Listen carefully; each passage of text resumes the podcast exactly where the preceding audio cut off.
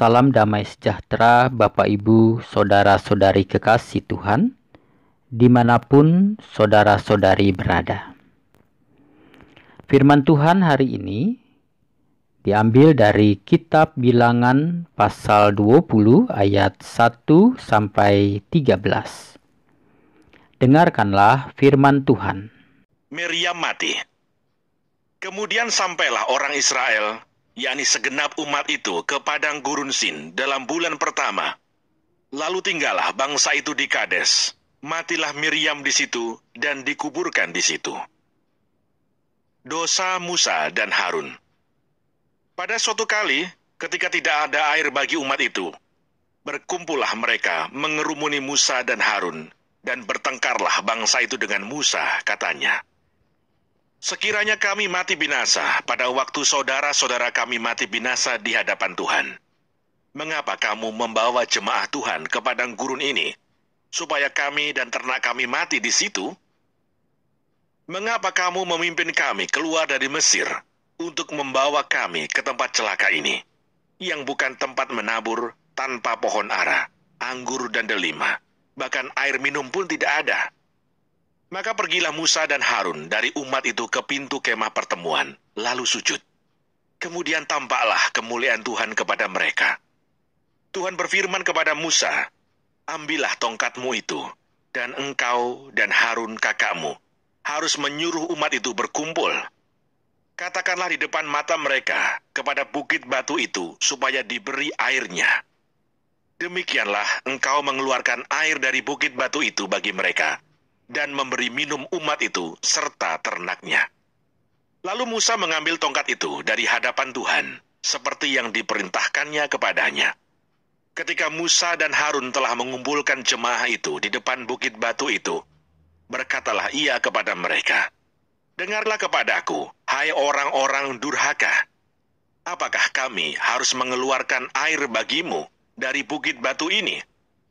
Sesudah itu Musa mengangkat tangannya, lalu memukul bukit batu itu dengan tongkatnya dua kali. Maka keluarlah banyak air, sehingga umat itu dan ternak mereka dapat minum.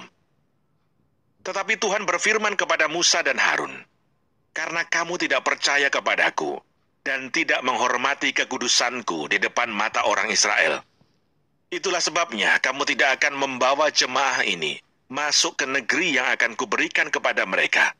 Itulah mata air Meriba tempat orang Israel bertengkar dengan Tuhan, dan ia menunjukkan kekudusannya di antara mereka.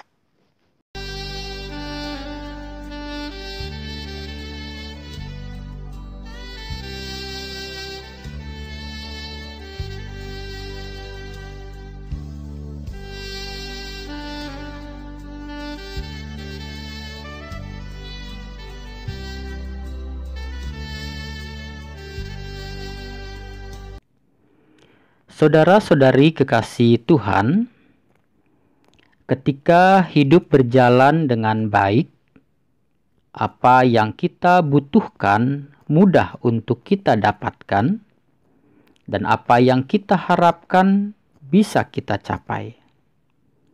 Maka, saudara-saudara, adalah hal yang mudah untuk menemukan alasan di mana kita dapat bersyukur tapi saudara-saudara, bila kesusahan melanda hidup kita, jangankan untuk mendapatkan keinginan, untuk mendapatkan kebutuhan hidup saja sulit untuk dapat kita penuhi. Maka saudara-saudara kekasih Tuhan dalam situasi seperti itu adalah sangat sulit untuk mencari alasan di mana kita dapat bersyukur Sebaliknya, dalam situasi seperti itu, justru kita lebih mudah untuk mengeluh dan bersungut-sungut. Saudara-saudari yang dikasih Tuhan, mengeluh dan bersungut-sungut dalam menghadapi kesukaran hidup inilah yang dilakukan oleh umat Israel ketika mereka dalam perjalanan di padang gurun dari Mesir menuju ke Kanaan yang dicatat di dalam perikop yang kita baca.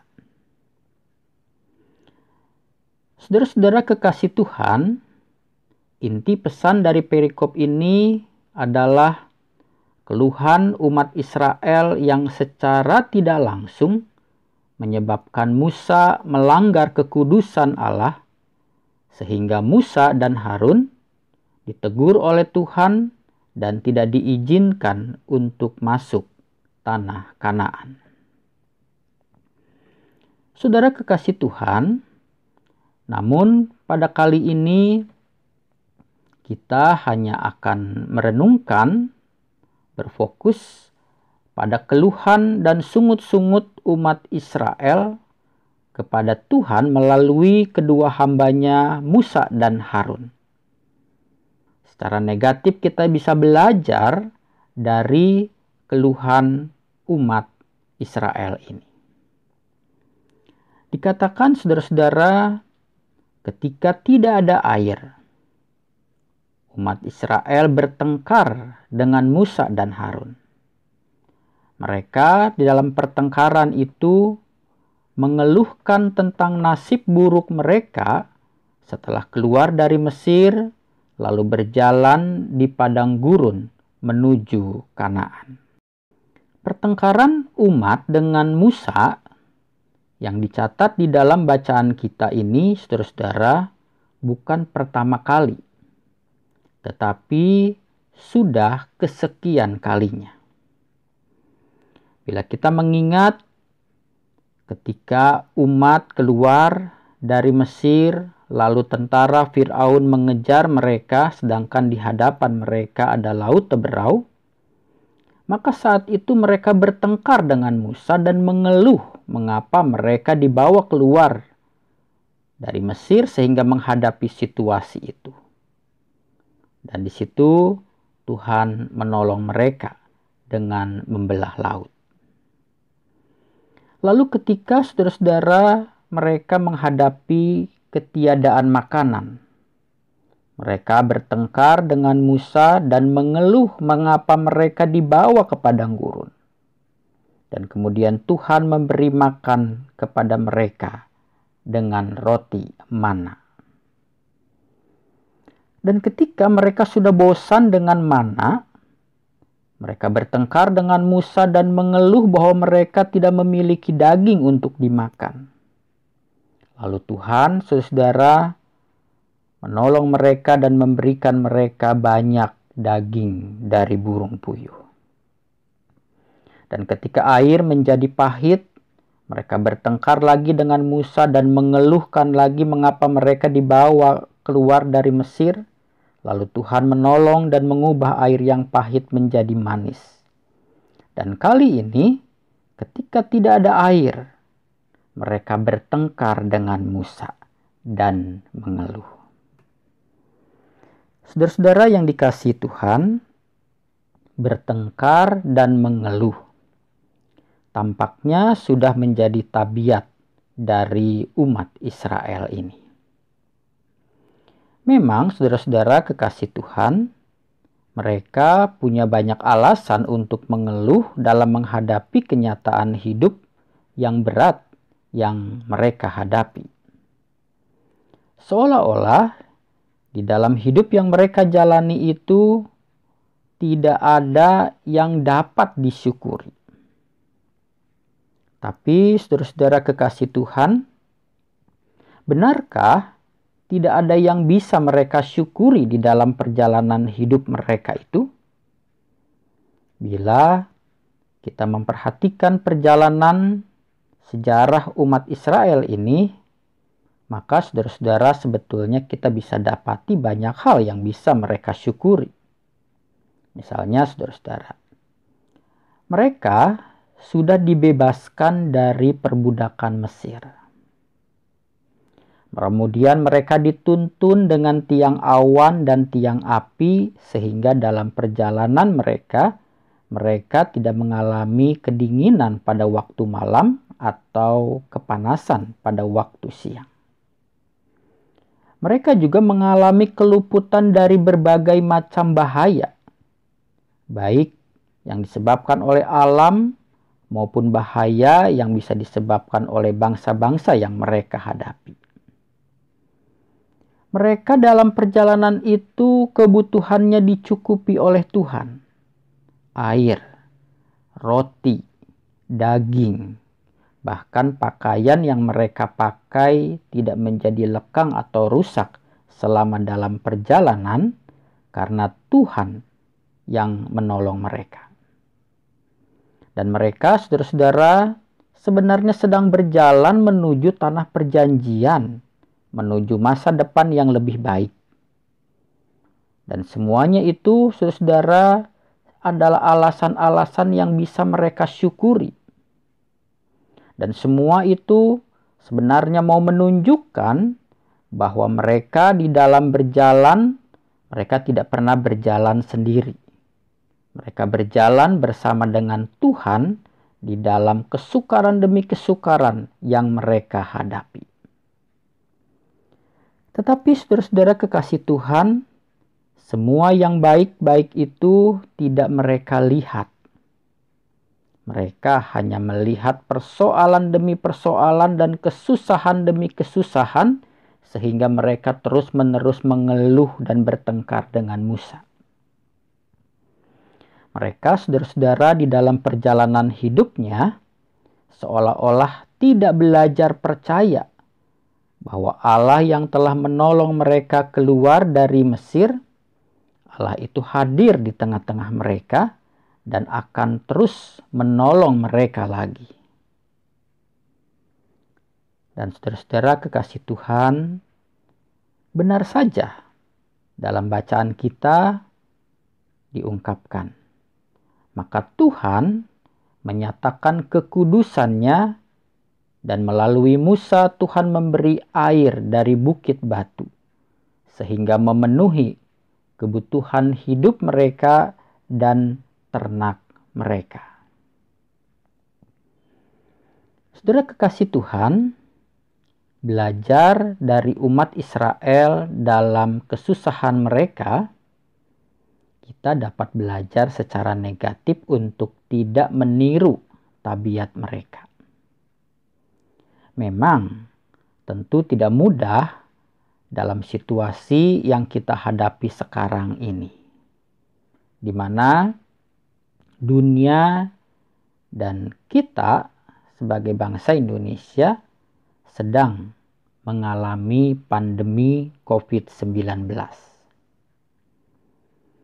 Dalam situasi ini, pasti ada banyak alasan di mana kita bisa mengeluh daripada bersyukur. Kita bisa mengeluh karena penghasilan mungkin berkurang, karena PHK, karena usaha yang semakin merosot, atau hidup kita menjadi susah, keluarga menderita, kita harus di rumah saja dan kita bahkan tidak bisa mudik dan masih banyak hal lain yang lain yang membuat kita tidak nyaman. Dan seperti umat Israel yang bisa mempersalahkan Musa dan Harun dan sebenarnya mereka mempersalahkan Tuhan, Pasti juga saudara-saudara banyak alasan di mana kita dapat mempersalahkan siapa saja yang bisa kita persalahkan atas penderitaan yang kita alami ini. Misalkan saja seperti Presiden Amerika yang mempersalahkan WHO, Organisasi Kesehatan Dunia, yang dianggap lamban di dalam menangani virus sehingga virus ini menjadi pandemi. Kita bisa saja mempersalahkan pemerintah, mempersalahkan presiden, menteri, gubernur, wali kota, atau siapa saja yang kita bisa persalahkan atas penderitaan yang kita anggap disebabkan oleh mereka. Tapi saudara-saudara kekasih Tuhan, di tengah-tengah kesusahan akibat pandemi COVID-19 ini, Mari kita belajar untuk menahan diri dan tidak mengeluh.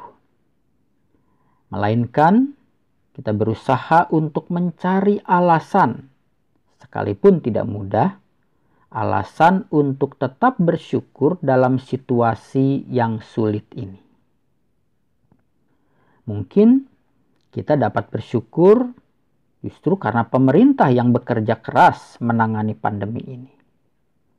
Bersyukur para dokter dan tenaga medis lainnya yang terus berjuang bersama aparat kepolisian dan TNI berada di garda depan di dalam memerangi virus. Kita bisa bersyukur untuk seluruh masyarakat yang mau tetap tinggal di rumah dan menjaga dirinya tidak terinfeksi dan menginfeksi orang lain. Di atas semuanya, saudara-saudara kekasih Tuhan, kita bisa bersyukur untuk kasih karunia Tuhan yang memelihara kehidupan kita hingga saat ini.